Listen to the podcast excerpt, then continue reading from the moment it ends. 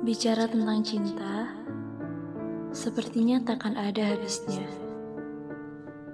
Karena jatuh cinta bukanlah hal yang biasa.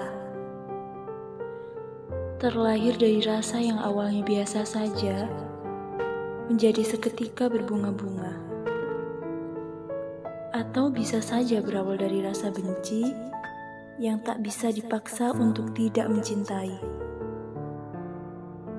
Sebab perihal jatuh hati dan kepada siapa dia memilih perlu dipertanyakan berulang kali. Ini bukan bicara tentang dia, tentang seseorang yang sering kau sebut dalam doa, ataupun seseorang yang namanya sering terdengar di penduduk langit paling atas sana. Lebih dari itu karena mencintai yang menciptakan cinta adalah puncak dari segala cinta. Dan mencintainya adalah hal yang tak mungkin ada habisnya. Iya, seperti rahmatnya yang tak akan pernah putus untuk kita. Meski begitu, diri ini masih saja mengejar cinta yang semu.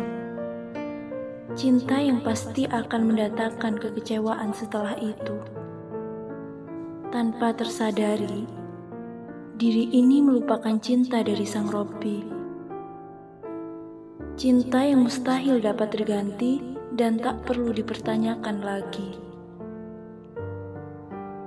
Cinta ini nyata dan tak akan ada habisnya.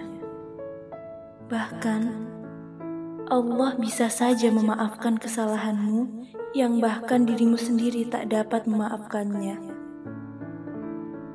Karena Nabi bersabda, engkau akan dikumpulkan dengan orang yang kau cinta.